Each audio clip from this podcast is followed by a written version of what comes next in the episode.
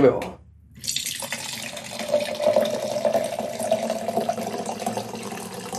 Stort glas vin. Ja, det lär gå åt. Det är som det är. Det är som det är.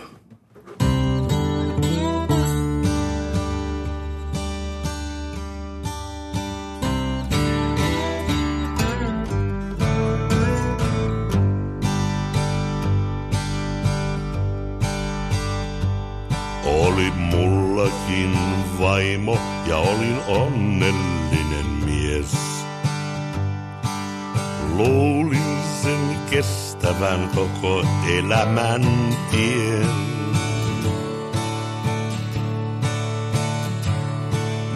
Tapasin naisen ja se opetti mut juomaan. Opetti mut juomaan ja polttamaan myös tupakka, naiset. Ne tekee sut hulluks, ne sotkee sun pää. Tupakka, viina ja villit naiset. Ne tekee sut hulluks, ne sotkee sun pää. Det är en dag i månaden juni.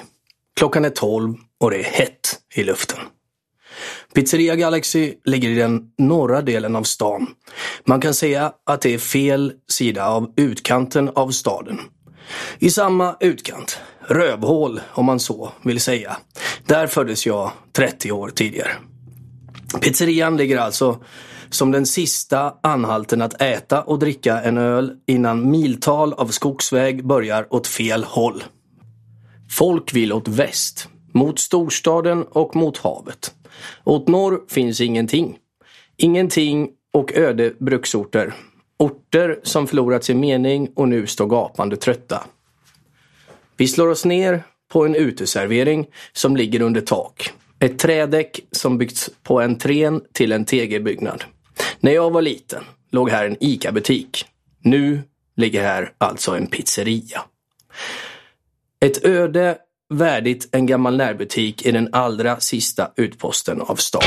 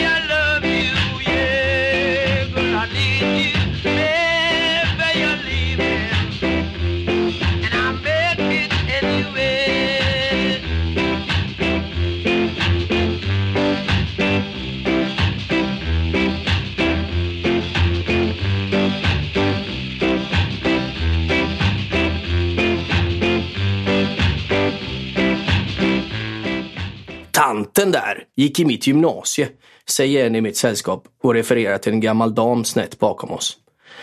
Tjejen som nu såg ut som en tant, hon var i våran ålder. Stadsdelen hade tagit ut sin rätt på både anlete och kropp. Det var rått tänkt ville jag tycka. Det där om tant och kropp. Jag hoppades att meningen inte uttalades så att hon hörde. Hon förde ett oberört och mutat samtal med en berusad bordsgranne och hörde inte ett skit. Jag tillåt mig skratta med i gruppen. Jag var slirig och god och på början till mycket full. Snett bakom på andra sidan gången har redan stället stammisar slagit sig ner. Det öppnade två timmar innan våran ankomst, stället. Pizzeria Galaxy alltså. Med all säkerhet är två av fyra i sällskapet finnar. Jag förbehåller mig rätten till denna fördom. Det kommer sig som sagt så att jag föddes i denna utkant. Son till danska invandrare. Just några fler danskar fanns inte här. Det föll sig så att just här placerades ungefär 50 procent av Finlands arbetarinvandrare. Mestadels anställda av Algots textilfabriker. Säg Algots, det räcker, sjöng man senare om den. Eller tidigare nu, men senare så att säga. Just därför beräknar jag åtminstone hälften av sällskapet till finnar. Och just för att jag föddes här som dansk och invandrare så förbehåller jag mig rätten till denna fördom.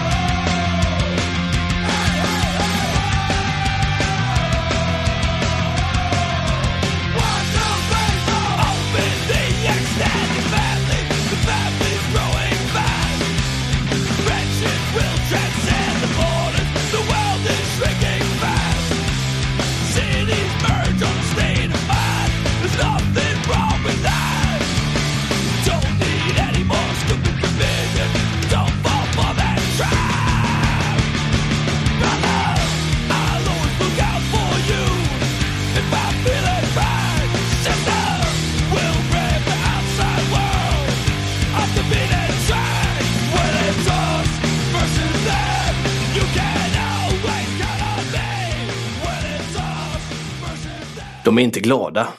De är sura och varma. Något har stört deras inrutade schema.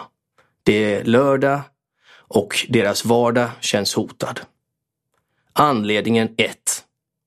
En del av lokalen där inne i restaurangavdelningen är uppställd med högtalare och mixtativ. Det brukar inte vara så. Det brukar inte vara så här. Något kommer att störa den annars lugna tillvaron. Just här i denna avkrok och helveteshål serveras en stark billig öl. I alkohol per krona räknat den billigaste ölen i staden. Här från träterrassen kan man dessutom stilla blicka ut över ett stycke granskog och därefter de rykande skorstenarna från en industri. Det skänker lugn åt en plågad själ när inget annat hjälper. Den starka ölen hjälper säkert till med.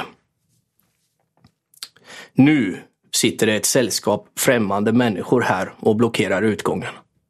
Det främmande sällskapet är bitvis tatuerade och bitvis klädda i andra kläder än vanligt förekommande just här. Någon bär med sig ett instrument. Det kan inte vara av godo. Idag är jag en främling i mitt eget land. En utböling i mitt Sjöbo. Härifrån hade jag varit ifrån jag hade varit härifrån tämligen för länge.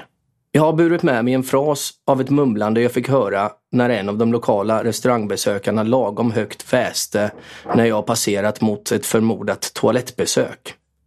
Vi vill inte ha några jävla tatuerade kriminella knarkare här. Så tänkte man alltså om oss. Vi har skrattat åt detta många gånger då vi med större anledning kunde tänka detsamma om dem. Minus kanske tatueringarna. I dagsläget har jag full förståelse för deras förmodade åsikt. Vi hade fan inget där att göra. Vi var bolagsjättar som river gamla byggnader att ersätta med stålskelett i hundra våningar. Spydigt kan jag tänka idag om vårat intrång, om våran blotta närvaro i deras distrikt. Jonny kommer. En gigant bland trubadurer. Lagom svettig av tabletter, ångestpreparat och annat som blivit till ett missbruk. Det får honom att lägga till med en rörlig käke. Käken går idisslande fram och tillbaka och håret ligger slickat av svett. Låtarna, hans låtar, de kan han dock utan till hur bra som helst. Ja, eller hans låtar. Det är Taube, Fogerty och det är Cornelis, framförallt Cornelis. Och framförallt framfört med en otrolig charm och en gudomlig stämma. Alltså, det är egentligen Johnnys gig. Idag fattar jag inte vad jag skulle där och göra. Visserligen satte just denna dag bollarna i rullning. Något föddes där i pizzerian. En längtan efter kaos, en längtan efter misär och ett, en ultimat svärta. Efter regelrätt spö, krossade käkar, pulveriserade tänder och blodsmak i munnen. Det fanns något i att frambringa applåder av glädje. Men att frambringa rent hat, rakt från hjärtat, det visade sig vara en enkel ny kammare som väntade på att fyllas. En outforskad kunskap. En ståkuk. Jag önskar verkligen inte just detta klientell något illa. Det kliar lite just där. Det är mitt folk egentligen. Självdestruktivt måste det vara. Ändå så uppfyllande.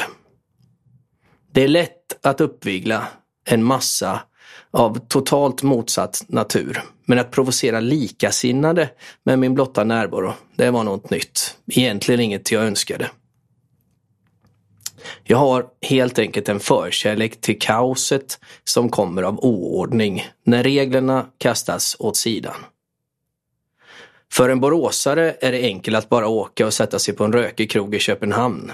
Då är vi tusen mil hemifrån, fast bara ett stenkast egentligen. Jag vet inte fan varför jag skrev så. Men så är det ju, fast en, eh, av en annan anledning. I alla fall. Vi fortsätter. Vi kastar oss en liten bit in i själva spelningen. Jag tar den första biten innan Jonny sätter igång. Vi har flyttat in. Ett tjugotal av vårat följe har placerat sig i ett långt bord diagonalt med scenen. Det är lite stökigt. Den varma dagen har satt sprätt på fyllan hos de flesta.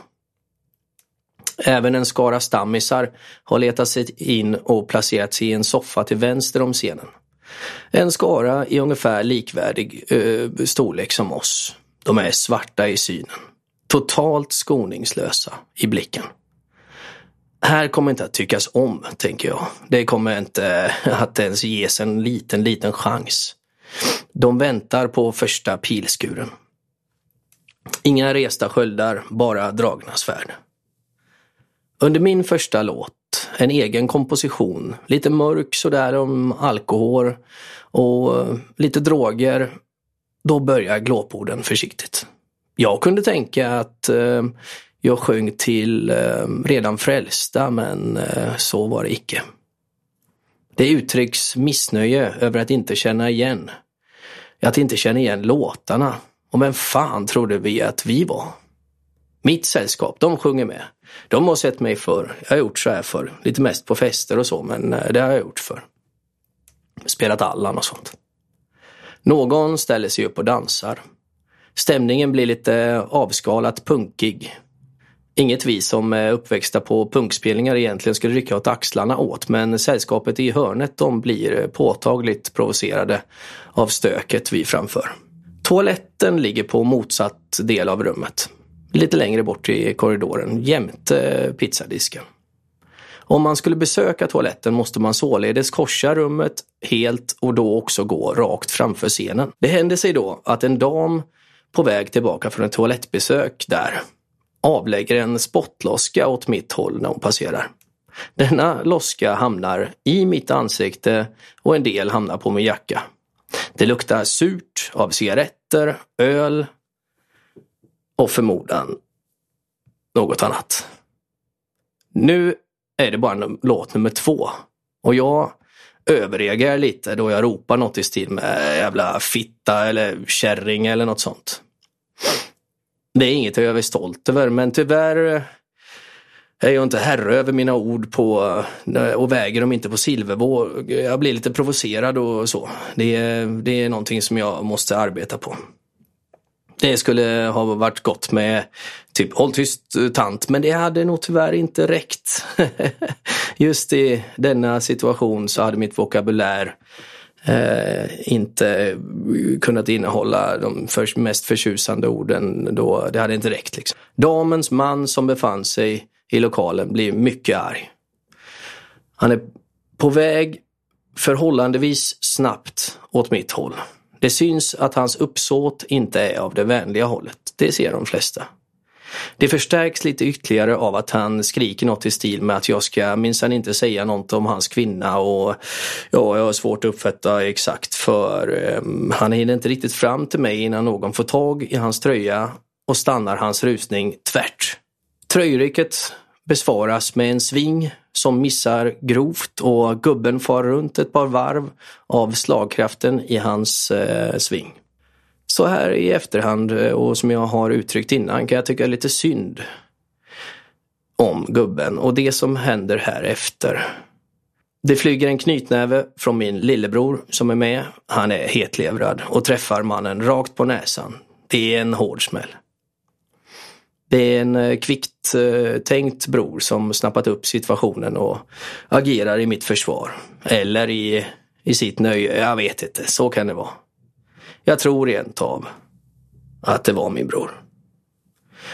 Förhoppningsvis hinner mannen ge igen ett par snytingar. För det uppstår ett tumult. Nog kommer det att heta så dagen efter när han i sitt sällskap, vänner och kommer att återberätta just denna berättelsen som jag återberättar. Den kommer ju låta helt annorlunda. Och den rättigheten, den ger jag honom med glädje. Det tumult som uppstår härefter kan närmast beskrivas eh, som filmiskt. Och, eh, eller eh, vad fan säger man om det hamnar i radioprat? Det är poddiskt. Poddiskt. Det, det det är poddiskt. Och när snuten kommer i två piketbussar trillar ett ensamt fyllo rakt genom en stor ruta. Just där det stod i stora slingriga bokstäver att det här är en pizzeria på Sjöbo. Vad den heter och samt telefonnumret att nå den på om man var sugen på pizza. Just där, just genom den texten, trillade han ut. För polisen såg denna drastiska händelse tämligen radikal ut. Men sanningen var ju en annan. Mannen hade av berusning och rädsla för flygande stolar gått ut ett slag. När han gjorde så dök plötsligt två tjutande polisbilar upp från ingenstans. Han blir då rädd, han ramlar bakåt och blir lutandes mot rutan. Den ger inte helt vika eh, direkt eh, utan bara buktar inåt en smula. Detta vill förstås mannen inte tillskriva sig själv, varpå han går in igen och blir då rädd för en stol som kommer flygandes i luften. Först då trillar han rakt igenom rutan. Jag ser hela denna incidenten från min stol. Jag sitter kvar. Jag spelar en låt till. Det flyger stolar överallt. Loskor, blod, sperma. Allt flyger. Och en ruta krossas och in kommer snuten. Det är låt bara det. Det är där om sperma är fabricerat. Ett flertal av gästerna från bägge sidor blir omhändertagna. Själv klarar jag mig i mitt egenskap av musikant. Föga visste de säkert att jag var uppviglaren till hela spektaklet. Restaurangen vid slutet av universum. Jag var lycklig då.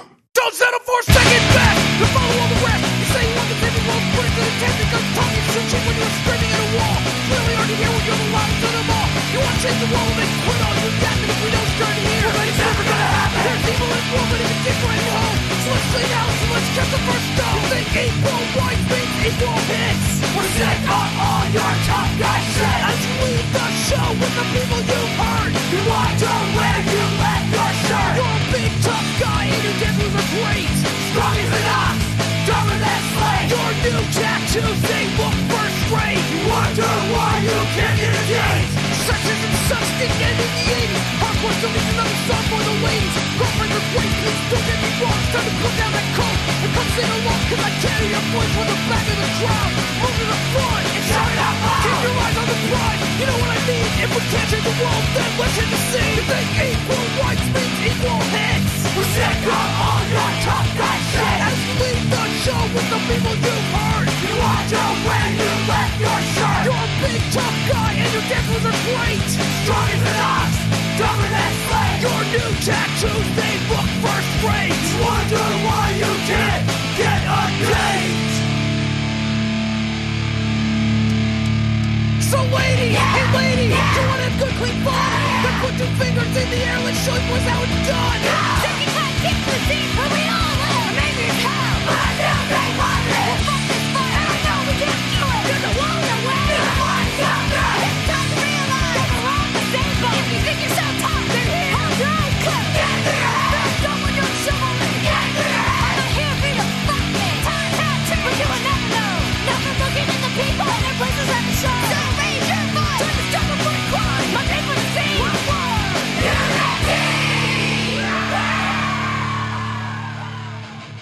Nu går vi tillbaka i tiden till 1996. Detta borde ju alltså varit år 2009. Då detta tumultet på Pizzeria Galaxy hände. Inte en stor parentes i historien, en liten parentes. Jag är en pytteliten parentes i historien. Jag tycker att detta är beklämmande och jag måste ta till lite vin för att det ska framföras. Att prata om sig själv så här. Det, det har jag inte tänkt mig att göra innan. Men jag är lite eh, sen i det här med vet du, att eh, kunna ha tillgång till datorer och sånt. Det har, jag aldrig, det har jag aldrig befattat mig med. Så um, nu fick jag ju höra här att eh, den här podden hade blivit stämd. Och det mm, tände ju en gnista i mitt uppviglande, eh, i, mitt, i min uppviglande själ. Så därför vill jag gärna sitta här och berätta. Jag kan berätta precis vad som helst. Jag skulle kunna läsa texten eh, till den här vinboxen men det skulle ju inte bli en eh, lång roman. Så vi går tillbaka till 1996 för att få in lite musik i det hela så berättar jag om första gången jag åkte fast för polisen. Då var vi 16. Mikael Karlsson, numera sångare i eh, bandet Honey Drips från Stockholm. Eh, lite tidigare sångare i eh, bandet Dorotea. Micke frågade mig, vi hamnade i samma klass på gymnasiet, om jag kunde spela bas. Eh, och jag eh, kunde inte spela bas, men jag ljög. Jag sa, ja, jag kan spela bas. Eh, vi hade en förening som hette Rockborgen på den tiden. Och eh, det var världens bästa tillhåll. Där kunde vi samlas i en rökig del av borgen som eh, var inredd som ett gammalt rokoko, en gammal rokokosal. Och där rökte vi och drack kaffe. På övervåningen fanns en rad med tämligen illa utrustade replokaler. Och så startade vi vårt hardcoreband där, där jag spelade bas. Och vi var 16, var en trummis, han var 13 tror jag. Ehm, och Micke sjöng. En dag, i alla fall, för det här skulle handla om första gången jag åkte fast för snuten. Då eh, blev det ett inställt tre. Det händer ju rätt så ofta. Och Micke och jag får för oss att vi Eh, går och köper ett gäng sprayburkar Med på den här eh, sprayburksinhandlingen var också eh, Andreas Ljung. Andreas som eh, nu, eller för ett tag sedan åtminstone, eh, sjunger i Stay Hungry. Eh, så vi, eh, eh, vi gick till en gångtunnel där vi vet du, uppförde två monumentala alster. Mitt alster bestod av en känga som trampade på ett hakkors och så stod det Nita Nassarna och Mickes eh, monumentala eh, målning eh, där eh, bestod av massa eh, maskrosor med ven i och så stod det Förstör maskinerna som förstör er. Ljungman lägger benen på ryggen. Vi står kvar och eh, beundrar våra alster. Från ena sidan kommer en polis, varav min spontana tanke är att springa åt andra hållet, i en tunnel. Det, jag var 16. Där kommer en polis. Så vi åker fast. Micke är cool. Han sitter bak i piketbussen.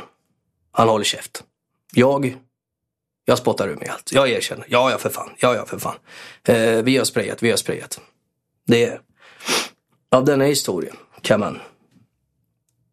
Micke visste att när han kommer hem så blir han bemött av en, eh, en förstående familj. Eh, och eh, han väntar sig ingen, inga direkta reprimander tror jag. Förlåt Micke, men det är väl sant. Eh, det är en liten klassklyfta. Jag fick spendera hela min sommar med att eh, arbeta mig till mina dryga böter och eh, fick väl förvänta mig vissa avhyvlingar när jag kom hem. Men eh, ja, det är lite olika med vilka medel man är födda med. Såklart. Det var det om första gången som jag åkte fast.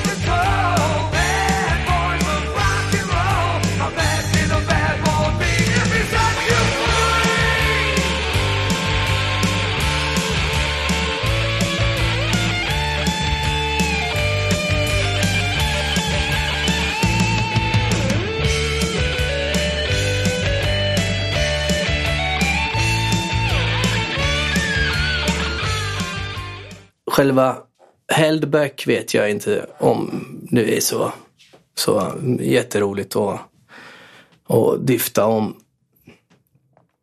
Det var dessutom väldigt länge sedan och svårt att eh, föra eh, minnet tillbaka till denna tiden eh, sådär helt spontant. Det krävs nog eh, eh, konsulterande med medlemmar och annat folk och det kanske är bättre att andra människor gör. Men under denna era eh, så sker ju den största förändringen i, i mitt liv och eh, våran musik förändras ju också eh, för att eh, jag vet blir skinnskalle i den här eh, tidpunkten av livet. Och inte första gången Men vi kan kalla det här kapitlet första gången jag blev riktigt stenad ehm, och höll på att skita på mig och fick upp ögonen för ska. Ja, jag tyckte lite om Bob Dylan och hade en förkärlek till, till vismusik och har ju fortfarande det och haft det under hela mitt liv. Eller liv och liv, mitt medvetna liv. Så, vi skulle åka till eh, Roskilde och eh, eh, kolla på Bob Dylan. Det bar sig inte bättre än att ehm, eh, jag eh, blev lite ovän just en liten stund innan vi skulle gå i samlad tropp till Bob Dylan. Jag blev lite ovän med mitt sällskap där. Så fanns det ett jättestort tält. Eh, och, och där inne eh, fanns det jättestora saccosäckar där man kunde ligga och bara, eh, lyssna på ehm, housemusik tror jag. Så um, jag, jag gick in i det här tältet lite småsur så. Och visste inte egentligen varför. Men när jag satte mig i en av saccosäckarna så var det en dansk som frågade ehm, um, how, how do lie Eller något sånt. Jag kan ju inte danska. Även om jag är dansk. Med danskt efternamn. Fan, skulle jag erkänna det för. Och jag tar upp en tändare och rökt braj, det hade jag ju gjort en gång. Eh, så jag tänkte, det här, det kan jag.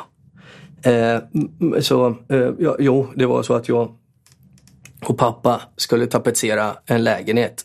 Nafsed. enough said. Så jag rökte på den här. Och jag delade hela jollen med honom. Eh, och så var det på han säger något eh, om att det är en skunk eller något sånt. Ja, vi vet, fan. Det, det smakar gott, det luktar inte illa. Det, var- det, det var gött det. Men sen vet du, då, då började det, det börjar, eh, börjar sväva lite. Jag blir yr som fan. Det kändes nästan som att jag skulle sväva iväg därifrån fåtöljen. Jag mötte mina kamrater eh, på vägen mot tältet. Men jag, bara, jag flög förbi dem ungefär en decimeter ovanför marken. Och kände väl inte mer i det. Jag hejade glatt. Jag var inte arg längre. Utan jag hejade glatt och sa vi, vi möts på Dylla. Och de sa okej. Och såg mig sväva iväg en decimeter ovanför marken. Jag vet inte varför de inte det. De hade kanske också rökt på. Varför de inte märkte att jag flög. Men jag svävade galant tror jag. Men lika galant var det inte när jag kom till eh, tältet. Då började det mullra. Mullra riktigt i magen. Det eh, skrek. Jag kände, nej, det här är inte rätt. Och det kändes inte heller rätt att jag var i en annan dimension och cirka eh, två kilometer eller något sånt där ifrån toaletten. Jag, jag kände, jag får ändå ta det säkra för det osäkra så jag liksom svävar ut ur tältet igen. Och, Eh, kommer jag också, eh, har jag också i åtanke då att jag har ju bara ett par, eh, par brallor med mig så det här kan gå åt skogen. Varför har jag det? Jag har aldrig varit speciellt eftertänksam när det kommer till sådana saker. Men jag svävar i alla fall vidare. Men så känner jag, nu mullrar jag. Det börjar mullra ner åt rövhålet också. Känner fan nu, nu trycker det till som fan. Det känns som att det, nästan som att det kommer liksom ett vattenfall ur magen. Och det enda jag kan göra det är att, att flyga ner och sätta hälen som en kork rakt upp i arslet. Liksom. Jag sitter där. och Jag ser långt bort i fjärran att det börjar en kö. Men den här kön den kan jag inte väntas alltså vänta i. Liksom. Jag får nästan hoppa som en groda och ömsom sätta hälen i arslet och ömsom stanna kvar och trycka in, trycka upp liksom skitkaskaden rakt upp i, i lungtrakten och sen springa ett par meter. Ö, Har han kommit ner igen, trycka upp den och så springa fram. Och när jag kom fram till kön där, då mm, var jag tvungen att boxa mig fram där. Kunde jag inte längre hålla tillbaka skitkaskaden utan jag boxade mig fram i kön och sa sorry, sorry, I'm very sick, I must go before you. Sprang där och så boxade hit och dit och boxade dit och alla släppte förbi mig jävla hippies. Jag släppte förbi mig och sen när jag kom in på toaletten så satt jag där och bara spydde rakt fram, sket rakt ut och hela toaletten den snurrade rakt upp i kosmos. Och jag bara spydde i, i takt med snurret och överallt. Jag täckte hela den här toaletten i spy och skit. Efter det så mådde jag tämligen bra. Jag mådde okej.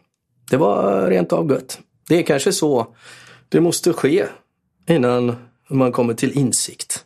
All skit måste ut. Så jag tänkte, vad fan. Och jag var eh, relativt ren. Jag var betydligt mycket renare än många av de sketna hippisarna som stod där ute för. Liksom. Så jag rör mig bortåt Dylan och det är ju alltså någonting som jag verkligen har velat se. Jag märker att jag är lite sen men de här avstånden på Roskilde, de är ju det är ju mil mellan scenerna. Så det, jag börjar röra mig bortåt. Och så när jag kommer till halvvägs kanske något sånt där så hör jag lite toner från ett tält. Och så tänker jag, ja, man kanske inte kan missa det här. Jag har ju ändå eh, hört att Dylan kanske man inte ska se en hel konsert med utan jag smyger mig in eh, innanför tältduken och, och kikar in där. Och där står då, med, det hade jag väl sett kanske på schemat men det kände inte jag till. Där, där står Scatalites och spelar. Eh, 1997 års uppsättning, vilken var en relativt odöd uppsättning. Den var, det fanns några vid livet kvar där. Och det som hände musikaliskt sett i mitt inre då, det var, det, det går inte, eh, det går inte likna idag. Alla de eh, endorfinerna, eh, de, de elektronerna som föder de endorfinerna, eller vad fan det är i hjärnan här, de har filats ner liksom. Det som hände då, det var, det var explosionsartat. Kanske framkallat av, av hasch och, och dylika vet du, impregnerade substanser i haschet. Men, men eh, det var fantastiskt. Och då föddes en helt ny musikalisk ådra i mig i alla fall. Jag såg kvar, stannade kvar, såg hela konserten och kollade på klockan och skyndade mig bort mot Dylan. Fick se en låt. Dylan kunde inte ens stå sig i närheten av den här upplevelsen. Vad fan såg vi mer den, den uh, Roskilde, de resterande två Roskilde-dagarna, det vet jag inte. Det spelar ingen roll. Det här var, det här var nog, Scatterlights var nog. Och det har jag burit med mig ända sedan dess. Och under hardcore-tiden så uh, reste vi också ofta till, uh, till Gislaved. Och där såg vi band som Eight Days of Nothing och Burning Flames och eh, Members of Tinnitus och, eh, och sådana. Och andra storheter för eh, eh Gislaved var både eh, tre, en, eh, men det var som vårt musikaliska mecka kan man säga här i, i inte i Västergötland men i, vad blir det då? Syd, eh, södra eh, Västergötland. Dit åkte vi minst lika mycket som vi åkte till till exempel en av de största hardcore-orterna på den tiden, i alla fall här omkring, vilket var Vänersborg. I Gislaved, där, kan vara 98, kan det varit, tror jag. Um, under en spelning med Hellback där så kom jag ihåg att jag tror att jag hade precis kommit in lite grann på, eh, på, på min gamla liksom punkådra igen efter att ha varit lite eh, indoktrinerad med, med hardcore ett tag där. Så um, hade jag ju kommit in genom skan och reggae nu då. Lite grann igen på mm, min punkådra och um, tror väl att jag kanske yttrade i någon i lite influens av New York Hardcore och så, Agnostic Front och liknande så kanske jag yttrade oj i slutet av eh, någon låt och, och sådär så hörde man lite muttrande bak hur publiken så här, ja men det, vad fan, det här är väl inte oj eller jävlar det här är väl inte oj. Så var det någon jävla skinnskalle som stod där och, och muttrade så jag gick fram till honom sen och då hade han en distro där. Och så frågade jag då, fan har du något, har du något bra då? Har du något bra här? Och han bara, ja men fan, ja absolut. Det här ska du ha, det här ska du ha, det här ska du ha. Så tänkte jag, ja fan, absolut. Så, eh, så eh, köpte jag ju det där med hull och hår. Och sen köpte jag verkligen det där med hull och hår för att det kommer ju bli till en helt ny identitet. Borås hade ingen skinnskallescen. Men min trummis, som var några år yngre, han hade fallit in lite tidigare på det där. Det där med skinnskalle. Eh, jag hade inte, jag hade inte förstått så mycket. Men Micke som var i bandet, han, han visste ju om allt det där. Han var, han var mod också. Det var också en sån här, det var också eh, någonting eh, som kom i hardcore-scenen på den tiden. Genom säkert Lyxzén och dem. Men det fanns även nere i, i Vänersborg och, och sådär. De började se lite ut som halvmods och, och sådär. Och började föra in lite pop i hardcore-scenen och sådär. Så han berättade ju mycket, du vet när jag tog hem de här plattorna och sådär om New York Hardcore och allting sånt där. Och det slog ju slint i skallen på mig. Fan då, jäklar, det var ju det jag var. Det var ju, det var ju skinnskalle, skinnskalle av det måttet också. Som lyssnade på reggae och, och eh, att man kunde vara antirasist och att man vet du, kunde uppvigla genom det här. Att det var provocerande, liksom. att man provocerade människor som trodde att man var någonting annat och att man kunde köra upp det i fejan på dem och säga att det var jag inte alls. Det var gött. Och det, det var jag. Så det var härligt. Så där i Gislaved så, så tände det en gnista. Och det var, det var, om jag inte vill missminna mig, han får väl eh, säkert eh, skriva någon jävla blänkare här eller något sånt här. Han kan väl inte bli arg över det, men jag tror det var, tror det var G från eh, fredag den 13 som stod där och, och sålde skivor. För jag, han sjöng väl där i Hate us nothing tror jag. Ja. I alla fall, det om det. Punkt.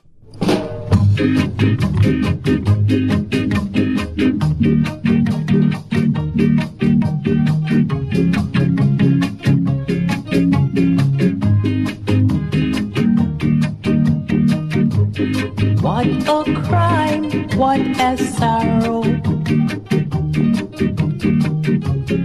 It's like Sodom and Gomorrah. What a crime, what a sorrow. It's like Sodom and Gomorrah. Ones and kinds are making trouble. Boy, it really gave me a puzzle. These ones and kinds are making trouble. Boy, it really gave me a puzzle.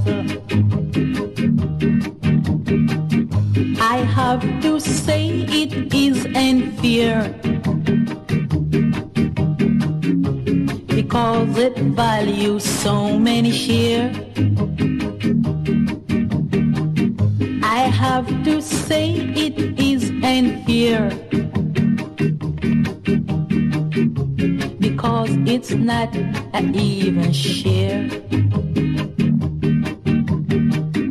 This life of living, I can't stand it. It's better off I turn upon it. This life of living, I can't stand it. No boy, it's better off I turn upon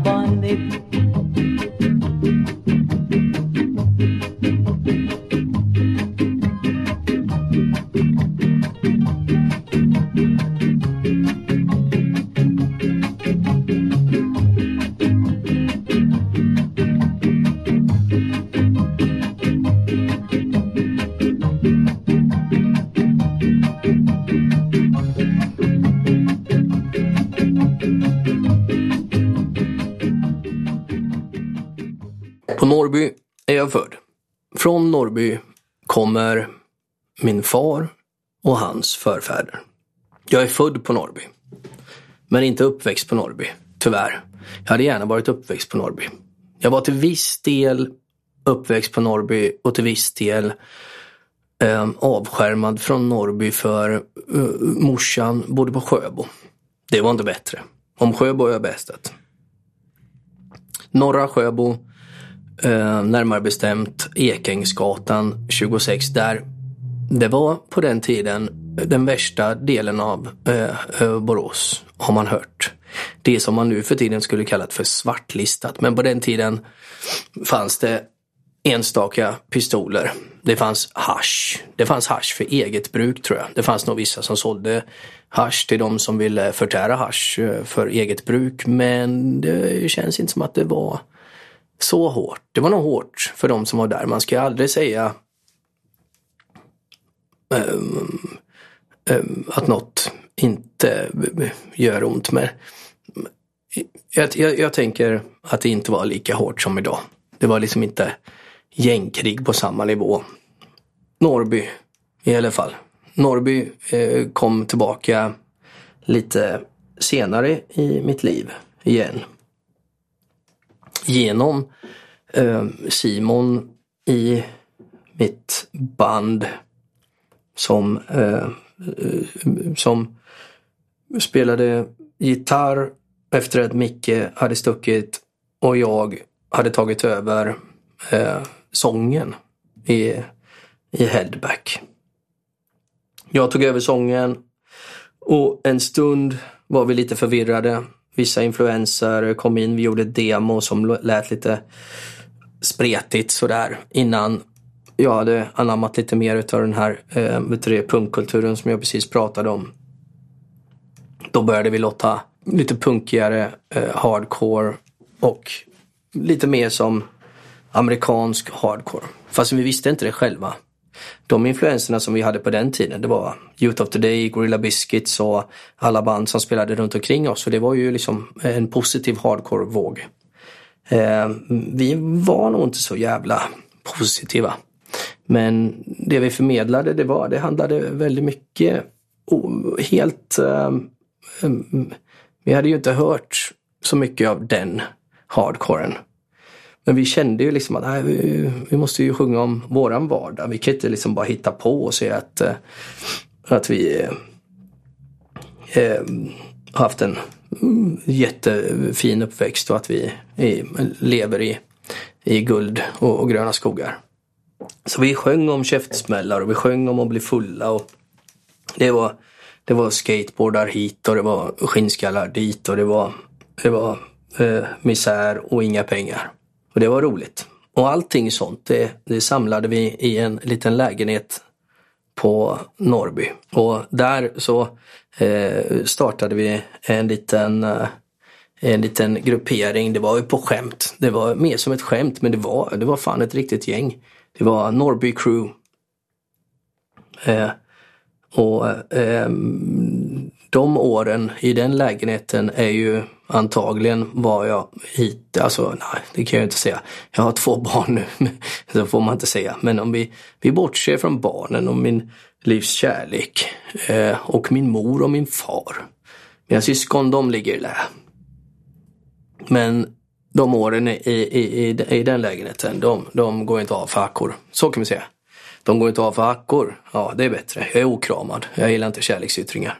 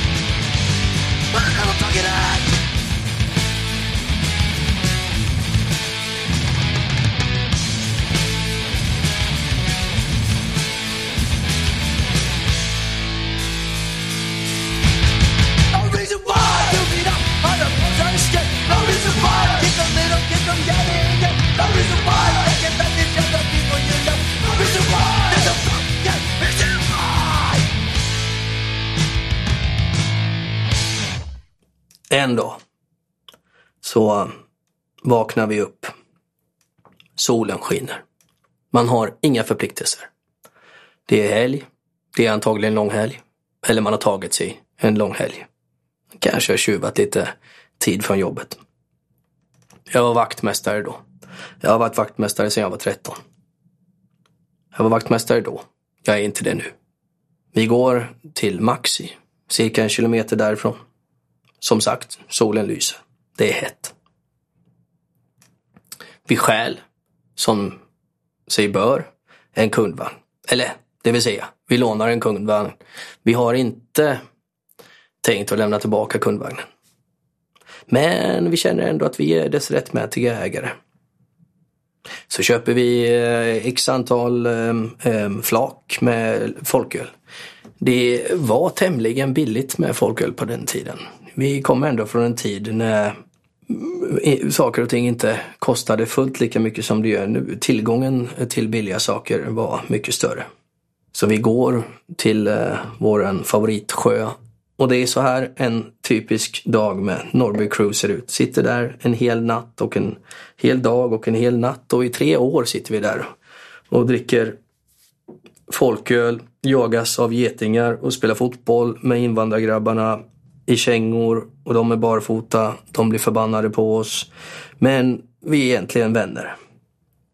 Tills natten faller på. Vi sitter där, hälften av gänget försvinner åt ett håll och hälften av gänget försvinner åt ett håll. Vi kanske är tre kvar. Det blir en fest.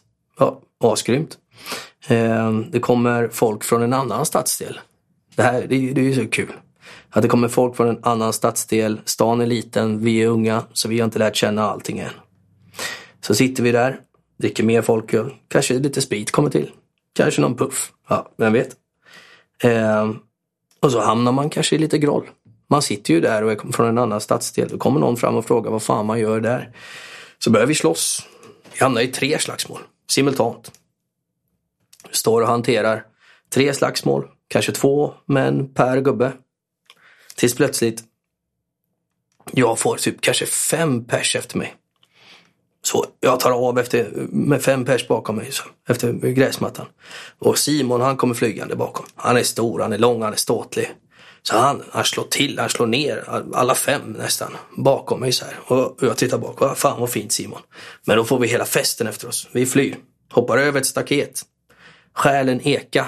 Vi, vi har flytt. Vägen som vi har gått med den här kundvagnen den ligger längs med Viskan och går ut till en sjö där vi har haft våran picknick. Sen flyr vi över staketet då. En hel fest efter oss över staketet. Och vi flyr, hoppar i en eka och så ror vi in till stan med hela festen skrikandes bakom oss. Det är vackert. Det är Norrby Crew. Det går inte att förklara Norrby Crew bättre än så. För sånt här händer jämt. Sedermera, lite mer inlyssnad på ska, reggae och lite mer inbiten i hardcore-scenen. Så går jag, får jag höra en, en polare, eh, han driftar, det var Micke tror jag. Han jävligt Micke breste mycket. Han, han kunde mycket. Micke, Honey Drips Micke. Micke Karlsson. Um, han berättar om en skivbutik i, eh, i Göteborg. Där kan man eh, köpa mycket oj. Och det, oh jävlar. Vet du. Det gick inte att få tag i. Det, liksom, det var inte... Det, var, det gick med distros, det gick i Gislaved, kunde köpa på några plattor. Lyssna hemma hos några polare men det fanns inga i Borås som, som höll på med sånt liksom. Åkte dit. Dolores Records. Jävlar, de hade en, eh, en, eh, punk och hardcore avdelning där. En är rätt så hoj, mest hojrelaterad tror jag. Stod en skinnskalle där och sålde, sålde skivor. Kom man in och hejade lite på den. Träffade en, en polare, Tony där. På det, på det viset eh, uh, kom jag i kontakt med hela bättre Göteborgsscenen där. Uh, åkte med dem till, uh, till Hultsfred. Fick en, uh, en hel, inför dagen fick jag farsan fixa ut där. Men jag vet inte om farsan fixade ut eller om jag, fan om var jag, nej just det, fan. System, systemet är 20 va? Ja just det. Jag var inte det. Jag var 18, 19 kanske. Jag var 18. Jag skulle med Göteborgsgänget till Hultsfred. Fick en hel back med 7 år. Elefantöl var det. Det var Det var inte så vedertaget med eh, 7 år och sånt på den tiden. Utan det var elefantöl skulle det vara. Tog eh, backen med mig och blev stupfull. Och det definierade väl hela den eh, vistelsen i Hultsfred tror jag. Det var den stupfyllan. Men där också. Jag vill berätta om just den här när man ställer sig i den kön där. Den euforin som fanns då. Den liksom eh, graden av lycka. Den går aldrig att återfå. När man står där med ett helt nytt gäng. Med alla är skinnskallar och alla är lika uppspelta. Det är som eh, Alfons Åberg i den här, eh, Alf, när Alfons Åberg väntar på sina vänner som ska komma till kalaset där. Alla bara hoppar och bara för, av förväntan, fiskedamm, ja det är sånt. Så var det också.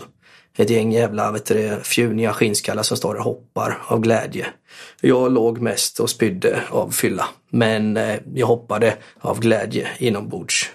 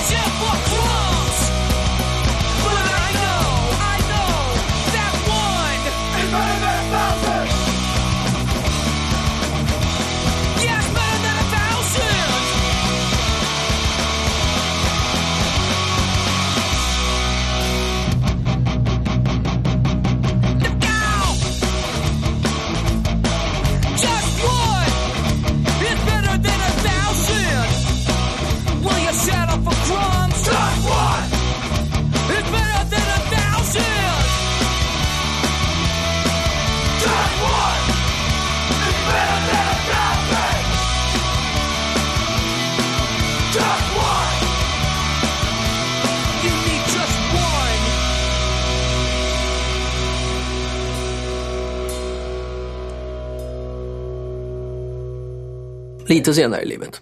När man hade varit eh, skinnskalle ett tag och kommit i kontakt med, med andra skinnskallar och varit på, eh, på Tre backar och, och, och kollat på Teams Rebellion och Agent Bulldog och sådana saker. Alla sådana här milstolpar i livet som bara får håren att resa sig på handen. handen. Ja.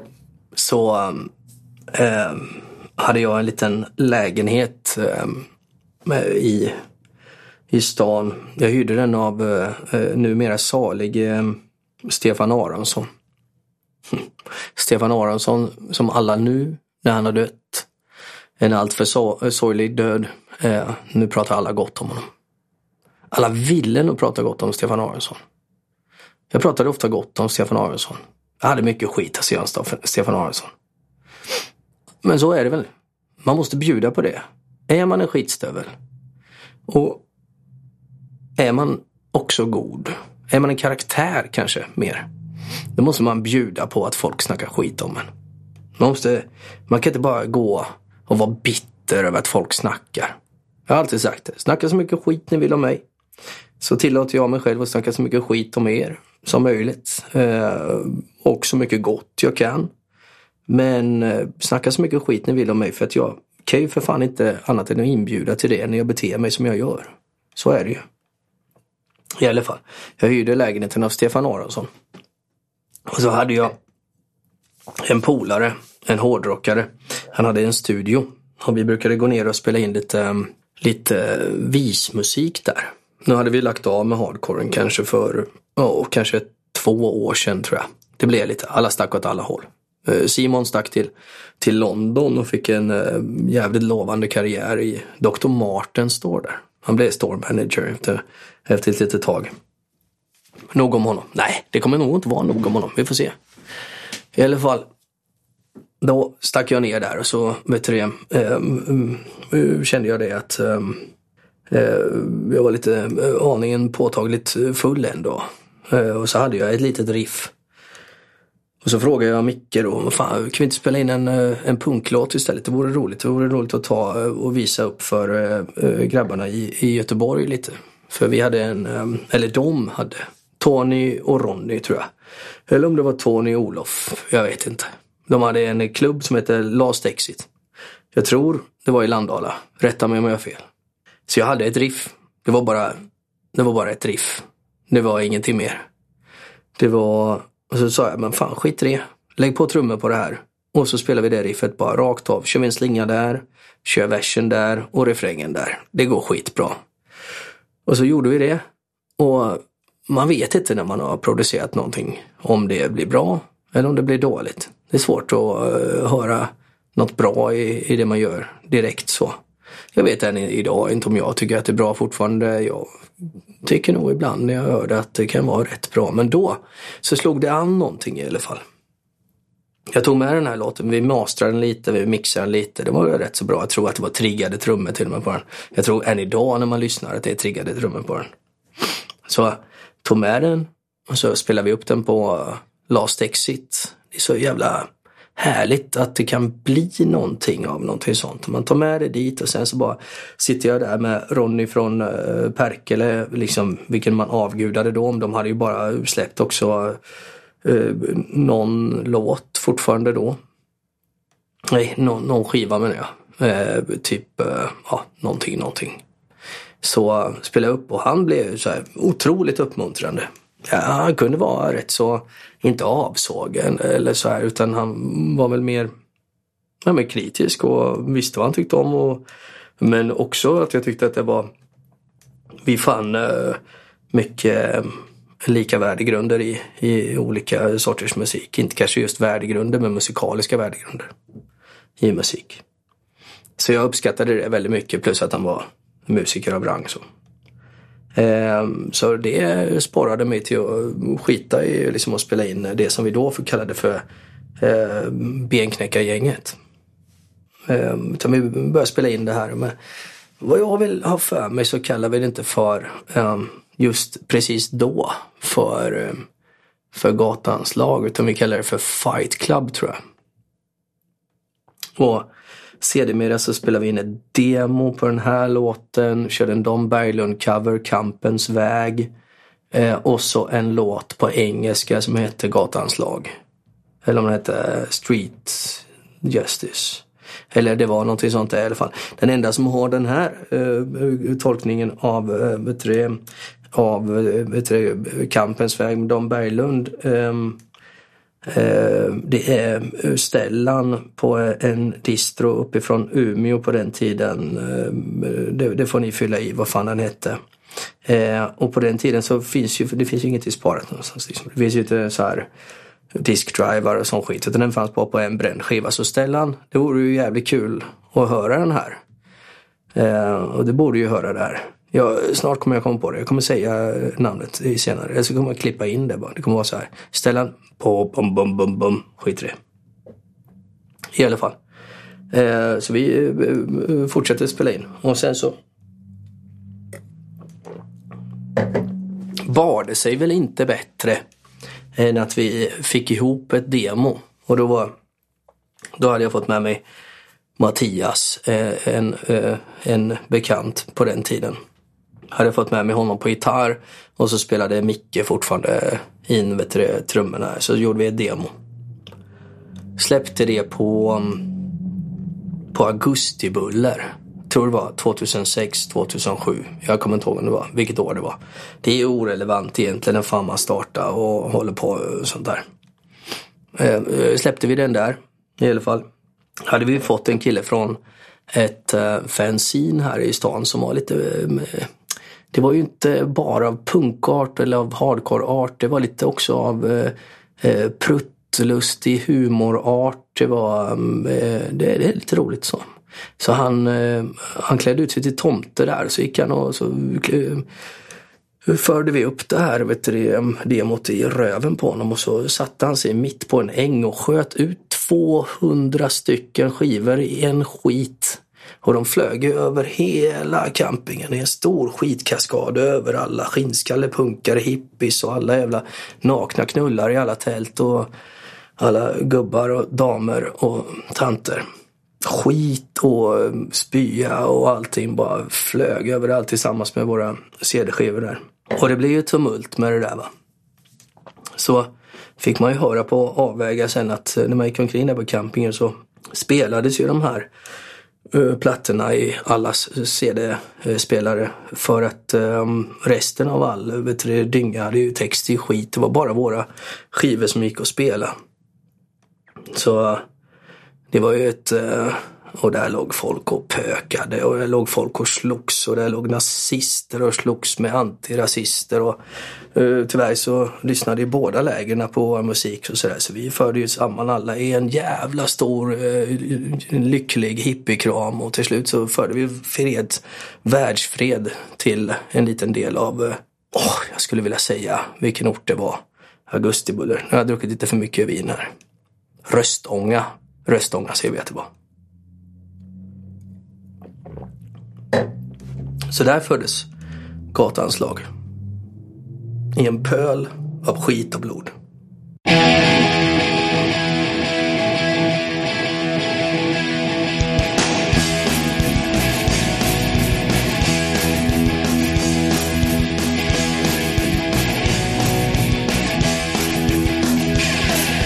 Nobody's heroes, don't wanna be a star. hiding down the crowd. I did it and you.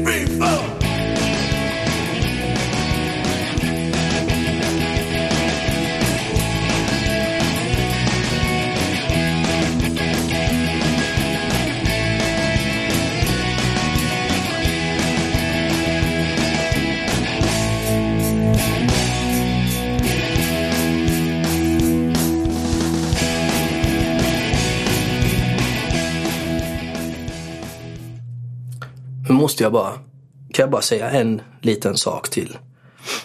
För det finns så mycket som ligger i en dimma av sprit, tjack och spya och sperma. Så jag har bara en anekdot. Och den, om du lyssnar med lilla mor, ehm, eh, får du ju hålla för öronen. För det var första gången som du var och kollade på vår eh, spelning. Men, ehm, i, i, lite senare så började Rickard Hellström, han började spela eh, gitarr och Rickard ville ju ogärna att man berättar om hans förflutna i ett stort eh, band i Göteborg, ett band som eh, där eh, min hand en gång prydde deras omslag. Eh, Min hand tatuerade Ronny i nacken och skivan hette No Shame. Så nu har jag inte sagt vad bandet hette Rickard. Ja, det spelar ingen roll. No mention. Okej. Så Rickard var eh, sjöman eh, och eh, eh, kom hem efter eh, kanske två månader till sjöss. och vi skulle spela, om det var, det var för andra gången i Borås. Första giget var på Trädgården. Jag har inte berättat om Trädgården, jag har inte berättat om Drop-In, jag kan inte dra allting. Det där var två stycken fenomenala jävla ställen. Men eh, andra gången vi skulle spela i Borås, det var på en klubb eh, som tog in relativt mycket folk. Och vi hade fullsatt. Det var fullsatt och det var bara sliriga, goa människor. På den tiden bestod vår publik av ungefär vad det är nu. Det är en salig blandning av skinnskallar, raggare, raggarskinnskallar, eh, raggande skinnskallar och skinnskallande raggare. Eh, och vanliga Svenssons och däribland min morsa. och min syster och min bror. Jajamän. Eh, släkt och vänner. Inte, ja, mycket, mycket vänner. Eh, så eh, dagen innan så eh, måste jag ju välkomna eh, Rickard eh, som har valt tillfället att komma hem just dagen innan och sagt till mig att möt mig på puben. Så, så möts vi på puben och just den här spelningen, den är på den här puben fast den är deras liksom, spelavdelning. Så. Men vi träffades dagen innan i baren. Och vi fick väl för oss där att eh, när, när en man kommer hem till, från sjöss på det här viset eh, och varit borta i två månader.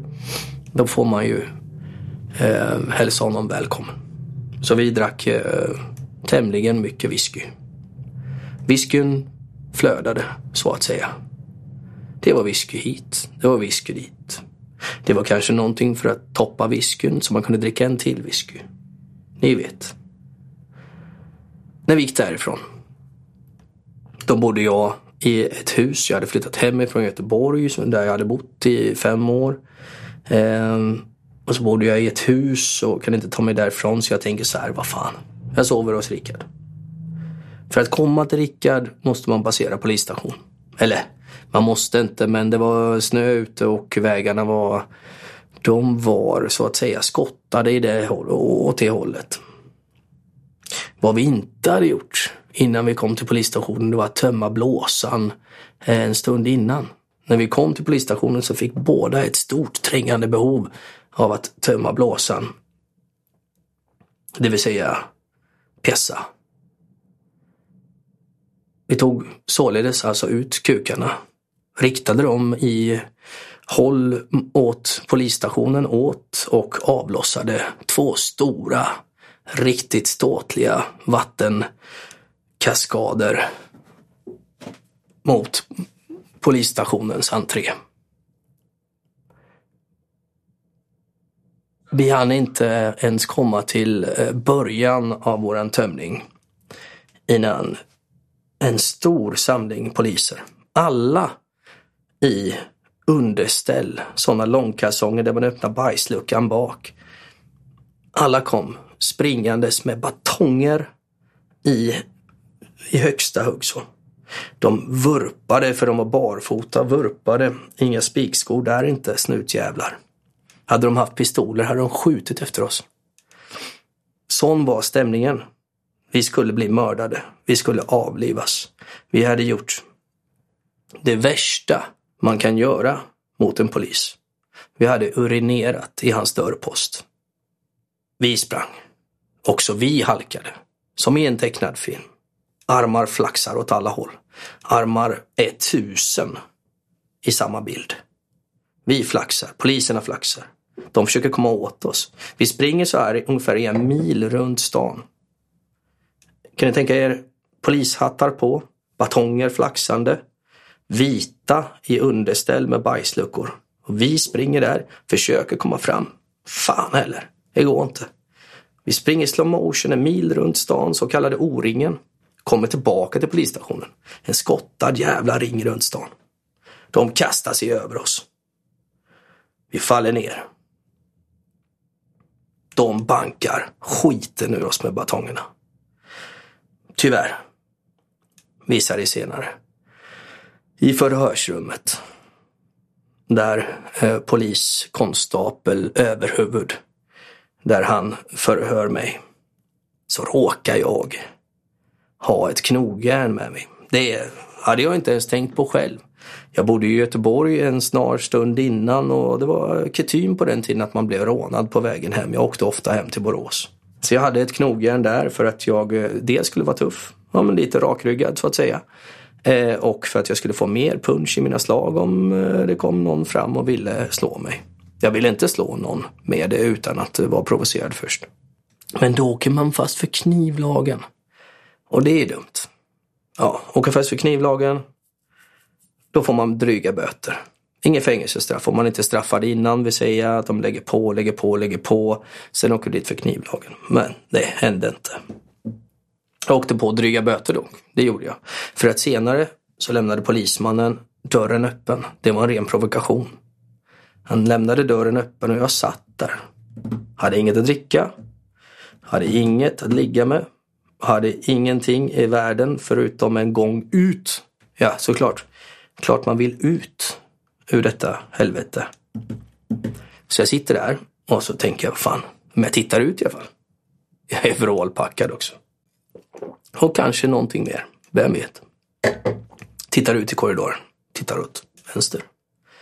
Mot hållet där utgången inte är. Ingenting där. Tittar mot uh, hållet där utgången är. Och den utgången, då ser man ut i hela jävla polisentrén liksom. Jag tänker att vad fan, helvete, jag tar min chans. Smyger ut. Vänder mig åt det hållet, där utgången är. Går några meter och hör bara Pam! Kommer hela den här eh, ouniformerade vet du, det, eh, polistroppen igen springande. Nu har de kukarna utanför sina vet du, det, kalsonger och är helt jävla upphetsade. Alltså, här ska det för fan knullas en liten jävla skinnskalle om så. Eh, vi ska åka dit för det. Stäng av alla kameror för fan. Det hände inte men jag kämpade emot. För jag kände ju att detta skulle hända. Så uh, någon kuk fick jag inte, ingen snutkuk. Men jag kämpade emot, vilket också eh, fördes i mitt register och att det blev lite våld mot tjänsteman där. Så det blev ju snordryga böter den kvällen. Och det är där bara av att man glömde av att pissa på stället. Ja, också medförde det ju såklart, vilket det ändå skulle gjort, eh, fyllecell. Vilket var kanske här eh, den tjugonde gången eller så i ordningen. Inte för att jag har räknat. Kanske ljuger jag. Men jag talar för det mesta sanning. Det har ni hört. Så där fick man ligga. Och det här var dagen före gigget. Eh, och det var mm, ungefär kanske 20 meter ifrån, eh, ifrån eh, polisstationen. Eh, ja, Weissers, våran eh, rätt habila pub ligger där. Tämligen habil. Den är schysst. Åk dit om ni är här. Och helst till Lilla krogen. Trädgården och drop-in finns inte kvar. Norrby ligger kvar. Det är blott en eh, blott en, ett fragment av sitt forna jag men det är ändå värt ett besök. Så, stig i solen. Och solen lyser in genom gallren. Den värmer upp en orange galonmadrass. Man känner den där eh, lukten av eh, orange galon. finns bara en lukt, en lukt av orange galon. Den skulle man eh, buteljera och sälja dyrt alltså. Till de som inte varit där. Så vaknar man upp och som det heter i en låt, man kör som en stridsvagn genom portarna.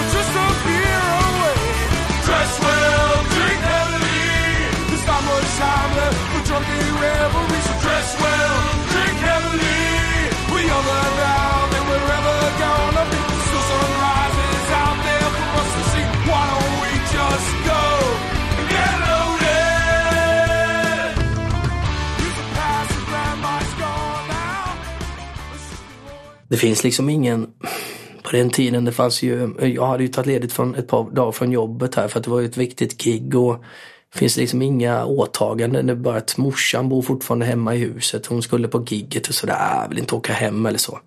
Så jag ringer en polare och till honom har det redan börjat trilla in folk dagen innan eh, på förfest som ska till gigget. Så, här. så jag åker hem till honom.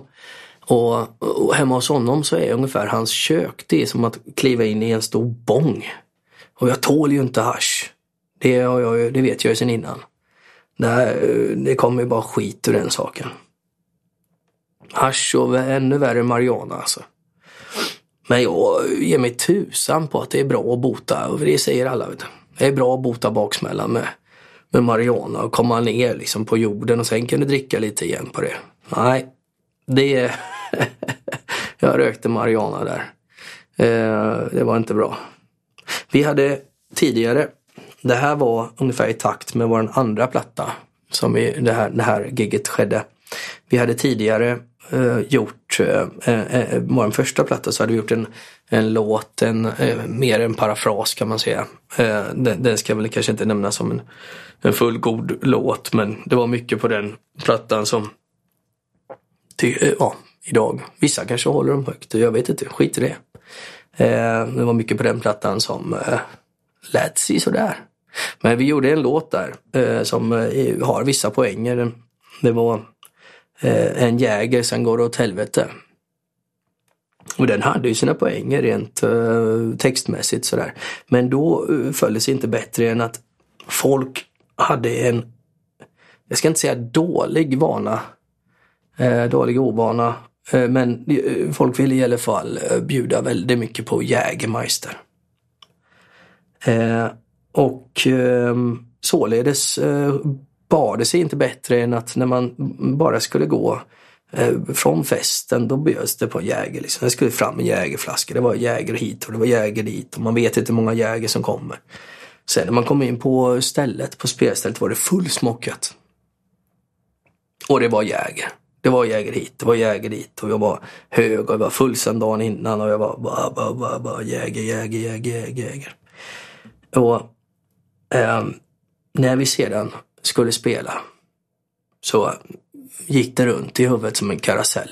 Karusell, ungefär som den här dagen då jag rökte hasch på Roskilde. Det gick runt i skallen. Jag flög ungefär en meter ovanför, träffade inte micken med skallen liksom. Jag letade efter micken. Jag hittade inte micken. Jag hittade inte texterna. Jag hittade näst knappt publiken. Jag hörde morsan ropa Jonas, vad håller du på med? Du flyger i luften, du svävar, vad fan, ner på marken, din jävel. Jag tänkte, jag bara koncentrera mig i skallen. Bara, fan, droppa Jonas, för fan, droppa, kom på. Fan, dämpa fyllan, droppa nu. Du kan, inte sti- du kan inte sväva en meter från över marken. Du kan inte liksom sväva. Jag började sväva mot taket. Jag hängde där uppe. Hittade liksom inte, jag greppade efter micken. Jag försökte lyfta, jag försökte lyfta i sladdarna. Men jag, jag flög och svävade där uppe. Jag kände bara så här, helt plötsligt så bara kom jag på de magiska orden liksom. Lägg av. Din jävla eh, avdankade fyllgubbe liksom. Din morsa är här, dina vänner är här. Så jag bara flög ner mot marken. Träffade huvudet i en förstärkare. Dank! Ner. Och de som inte tror mig. Det här finns faktiskt att beskåda på Youtube. Det finns en dold länk. Vi har, liksom, vi har inte lagt ut den så att den är lätt att söka på. Men GL Outcast tror jag man ska söka på så ser man exakt den här eh, sekvensen. Man hör morsan ropa i publiken Jonas för fan sluta sväva ovanför i taket där. Jag dunkar i skallen. Var på. Jag känner inte av det här. Jag är så pass berusad. Så pass berusad av ehm, eh, publikens närvaro. Jag skäms som en jäkla hund alltså. Springer ut ur lokalen. Vad jag inte vet är att jag springer in i logen. Logen är den är, eh, ja, det är, ett lit, det är en städskrubb typ. Där befinner jag mig, publiken utanför och jag hade tänkt att fly. Det gick inte så jag gick ut med hundhuvud igen, ställde mig, försökte sjunga en låt. Vad publiken inte visste var att jag smidde en plan. Planen var att springa på huvudena, tvärs över rummet, hoppa ut bakom publiken, smidigt ut som en vessla och eh, ta av med min leviterande kraft över staden, hem till sängen, lägga mig, sova bort hela skiten. Jag gjorde så. Och allting gick efter planerna. Vaknade upp dagen efter. Min brorsa satt vid min sängkant. Väckte mig och sa Jonas, kommer du ihåg vad som hände igår? Och jag bara, fan, åh helvete. Så det här är nog kanske eh, min skämmigaste stund i livet.